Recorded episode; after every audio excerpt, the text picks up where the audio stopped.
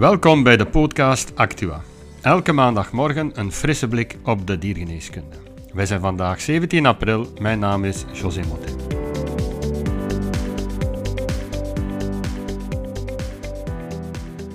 Onderwerpen die vandaag aan bod zullen komen. Hoe herken je een katje met het leukemievirus op het zicht? En communicatie met cliënten, hoe het vroeger was en wat de norm nu is of zou moeten zijn. Maar eerst, hoe herken je een FELV-positieve kat op het zicht? We kennen het allemaal, het feline leukemie-virus of FELV. En we testen het dus ook regelmatig voor, via een bloedtest. Maar een Japans team van dierenartsen, die blijkbaar veel katten onderzoeken, hadden opgemerkt dat FELV-positieve katten doorgaans snorharen hadden die qua morfologie afweken van de normale snorharen bij niet geïnfecteerde katten. En daarom besloten ze dit verder te onderzoeken. Dus alle katten met golfachtige snorharen werden verder onderzocht. Elke kat moest minstens twee knikjes hebben in op zijn minst twee snorharen om als positief voor golfachtige snorharen beschouwd te worden.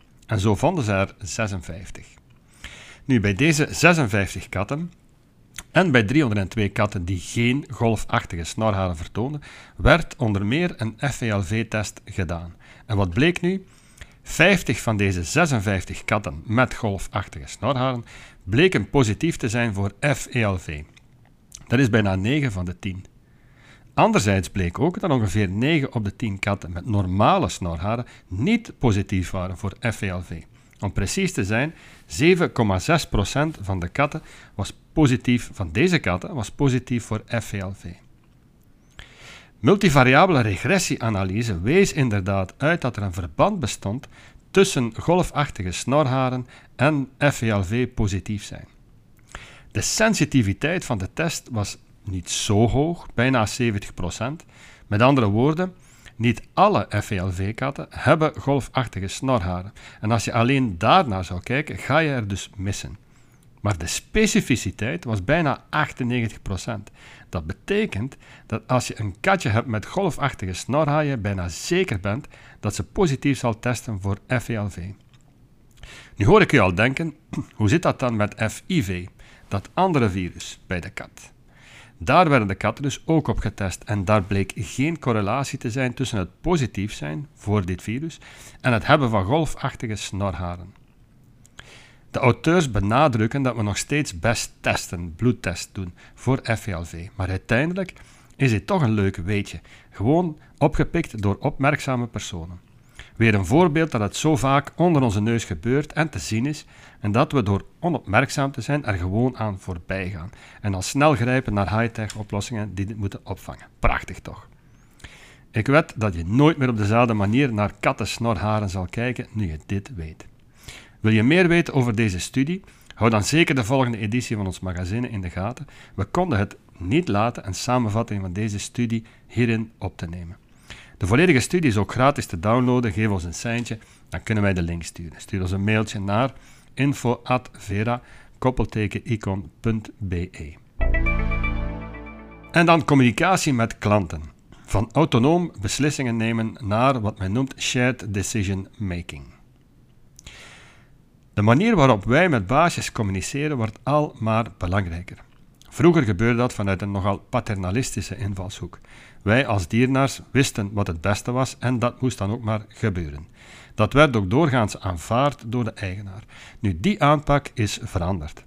En eigenaren eisen terecht meer en betere communicatie.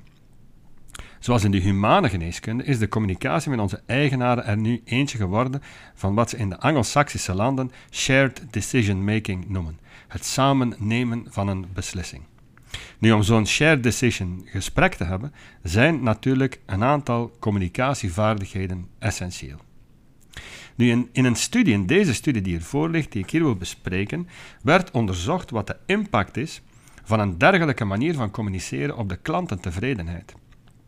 Eerst werd er gevraagd aan een aantal dierenartsen wat hun voorkeur had en ze hadden de keuze uit vijf mogelijkheden. 1. Dat de dierenarts de beslissing voor een bepaalde behandeling zelf neemt. 2. Dat de dierenarts dat doet, maar na met de eigenaar gesproken te hebben. 3. Dat de beslissing samen wordt genomen, dus het model van shared decision making. 4. Dat de eigenaar de beslissing neemt na het horen van de opinie van de dierenarts. Of 5. Dat de eigenaar de beslissing volledig zelf neemt. Uit deze bevraging bleek dat twee van de drie eigenaren ervoor koos om samen een beslissing te nemen. Verrassend genoeg verkoos één eigenaar op vier dat de dierenarts de beslissing zelf zou nemen en een kleine 10% wilde de beslissing zelf nemen. Eerlijkheidshalve moet erbij vermeld worden dat dit een Japanse studie betreft, dus culturele verschillen kunnen eventueel een invloed hebben, maar deze worden over het algemeen van minder belang beschouwd. Interessante cijfers toch, die anderzijds weergeven wat we al langer weten. De tijd is lang voorbij dat wij als dierenarts of arts in de humane geneeskunde autonoom kunnen beslissen over een bepaalde behandeling. Mensen willen inspraak, en terecht. Dat vraagt natuurlijk betere communicatievaardigheden van ons, naast het kennen van de wetenschappelijke feiten.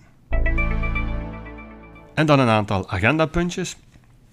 We hebben het uh, in de vorige sessies al uh, verschillende keren aangehaald, maar ik wil er toch nog even aan herinneren dat het IRED, het IRED, of het Instituut voor Recht en Ethiek in de Diergeneeskunde, deze week donderdag een studiedag organiseert over de juridische en diergeneeskundige aspecten bij het kopen en verkopen van dieren.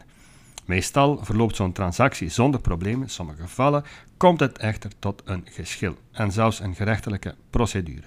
Gewoonlijk omdat de koper ontevreden is over zijn aankoop. Daar heersen dus heel veel vragen rond zo'n aankoop en al die vragen worden beantwoord met ruimte voor debat en netwerking achteraf. De studiedag gaat dus door deze week, donderdag 20 april, aan de faculteit uh, te Merelbeek en start om 16 uur. Goed om weten is ook nog dat als je niet fysiek aanwezig kan zijn, je toch nog altijd kan inschrijven voor de livestream. Dus meer informatie vind je op de webpagina van het IRED.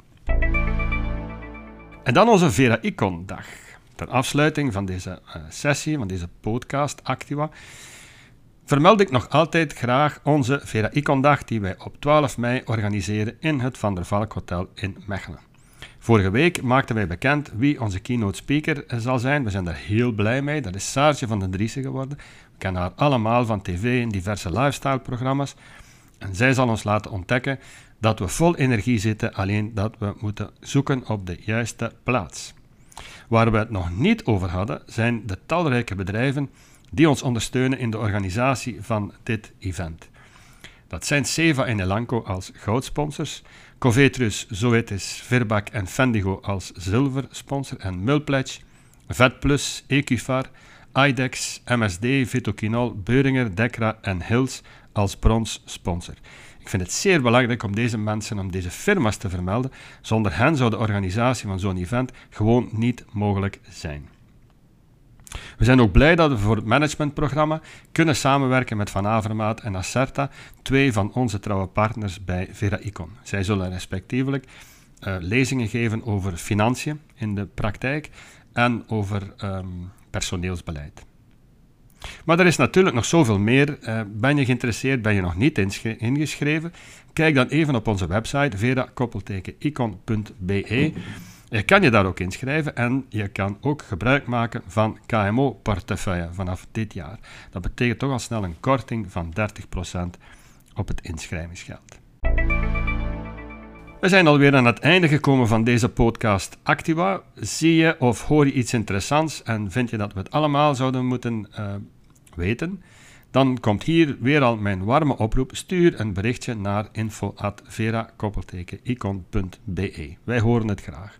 En zoals elke week wil ik ook deze podcast afsluiten met een van onze 100, of niet onze, maar een van de 100 adviezen van eh, EVME. Ze hebben dit gebundeld rond well-being in de praktijk.